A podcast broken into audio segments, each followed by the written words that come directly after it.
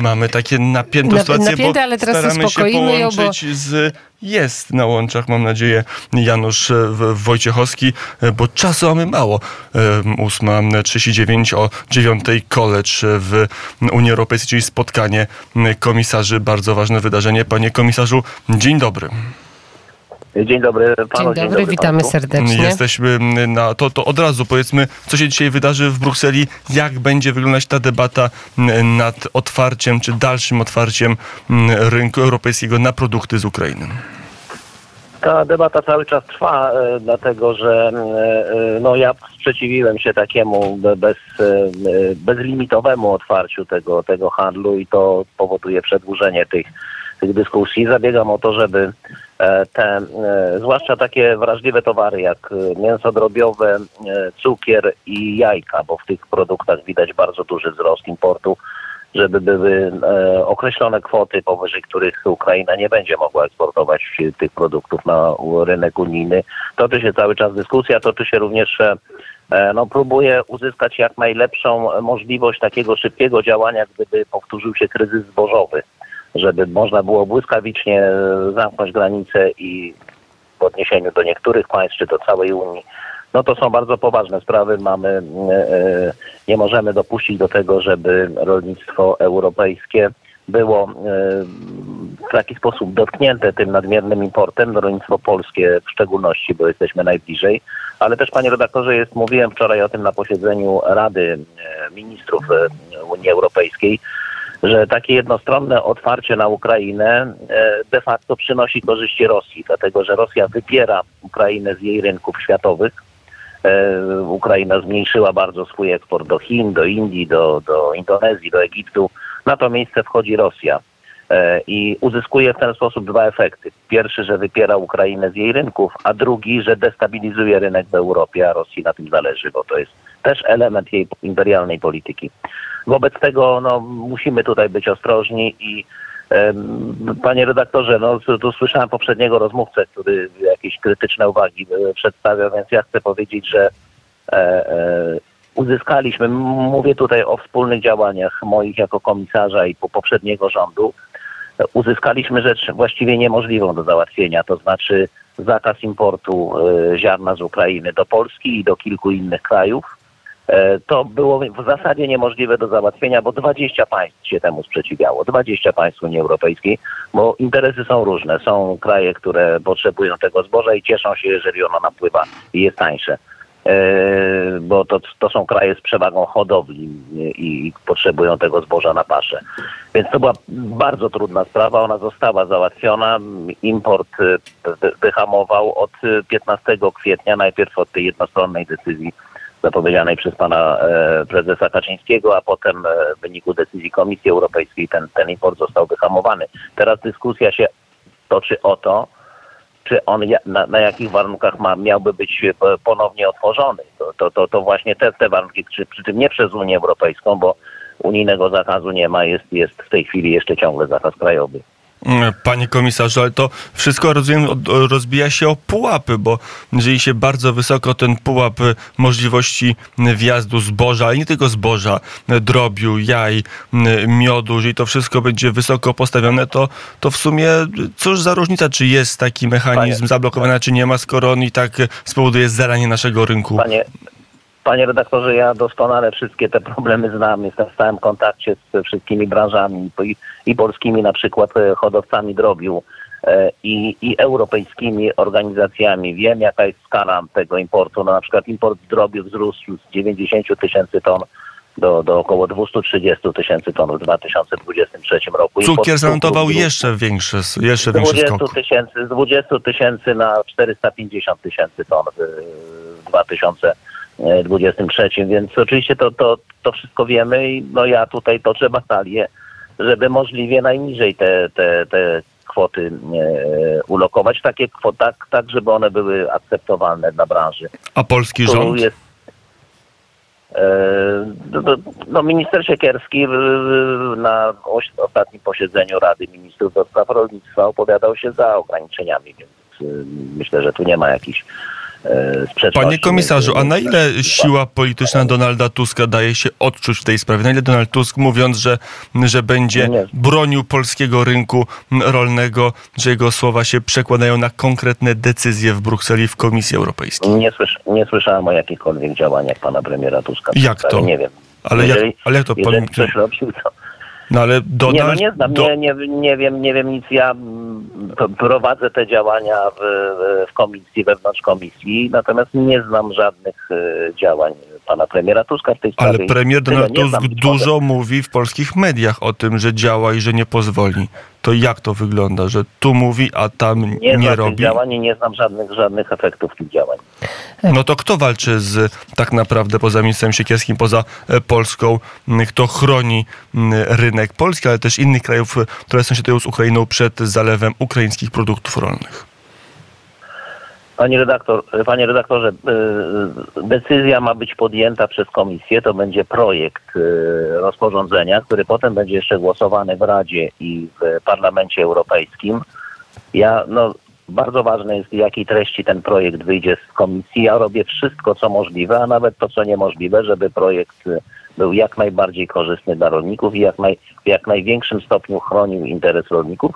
I jeszcze raz powtórzę, że to moja negatywna opinia do pier- pierwszego projektu spowodowała, że w ogóle ta decyzja się to. A gdyby przyjęto pierwotny projekt, znaczy co chciałaby Komisja Europejska zaproponować Polsce i innym krajom, które zmagają się z ukraińskim importem produktów rolnych?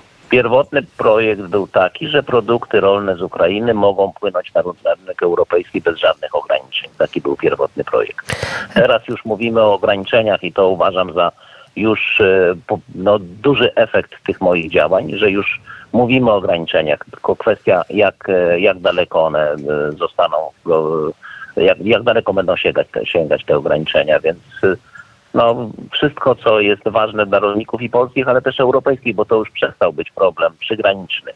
To już się stał problem całej Unii Europejskiej. No, na przykład z jest to problem, to, to wcale nie jest tak, że tego drobiu do Polski dużo wjeżdża. Ona wjeżdża na cały rynek europejski, ale przez to polscy drobiarze mają problem coraz większy ze sprzedażą swojego produktu na rynku europejskim. Podobnie e, zaczyna dziać się z cukrem. I efekt, Więc, y, efekt tych problemów między innymi dzisiaj będziemy mogli e, zaobserwować. Niemalże 200 miejscowości, 200 miejsc w Polsce odbywają się protesty rolników. Panie komisarzu, i pytanie od jednego z e, protestujących, kapitana także naszej żółtej łodzi podwodnej.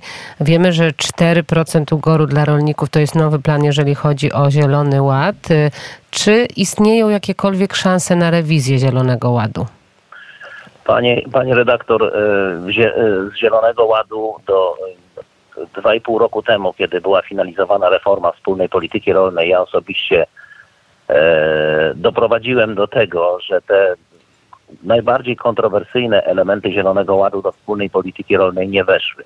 Właściwie został ten jeden e, b- dotyczący tego odłogowania. Ja doprowadziłem do tego, że to jest nie 10%, tylko 4%.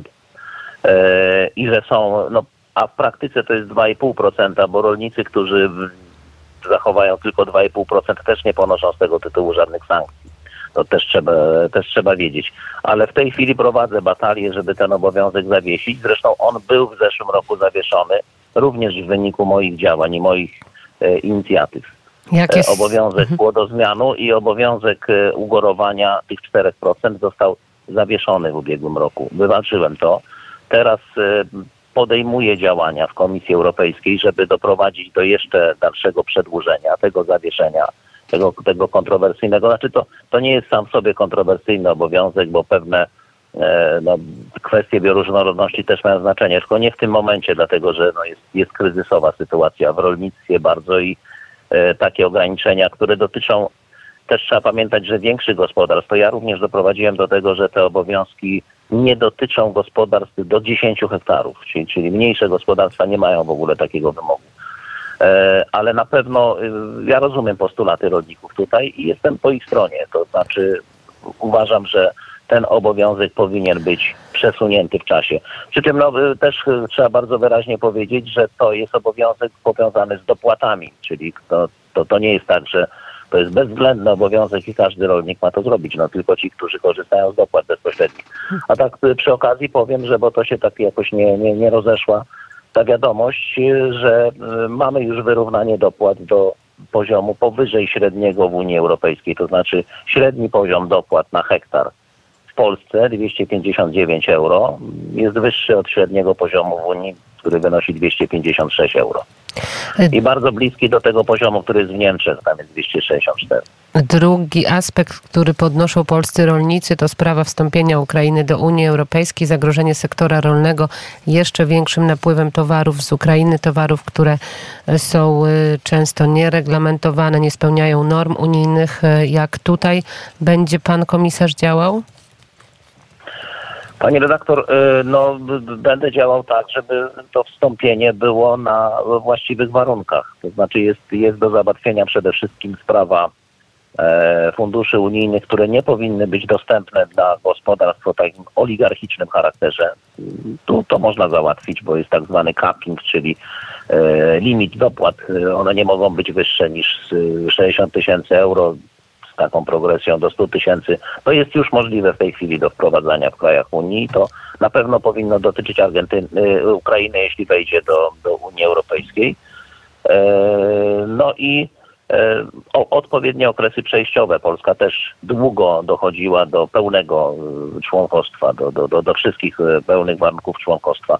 Ale warto też wiedzieć, że jeśli Ukraina znajdzie się w Unii Europejskiej, to jej rolnictwo będzie podlegać tym wszystkim wymaganiom z zakresu bezpieczeństwa żywności, metod produkcji, które są wymagane od rolników Unii Europejskiej. Także to też będzie pewne wyrównanie konkurencyjne. Em, Na pewno to jest kwestia e, negocjacji i warunków, ale to jeszcze jest dłuższa droga. To nie jest w tej chwili najważniejszy problem. No, najważniejszy problem to jest to, e, to czasowe rozporządzenie na rok wprowadzane. To już byłby trzeci z kolei rok takiej liberalizacji handlu.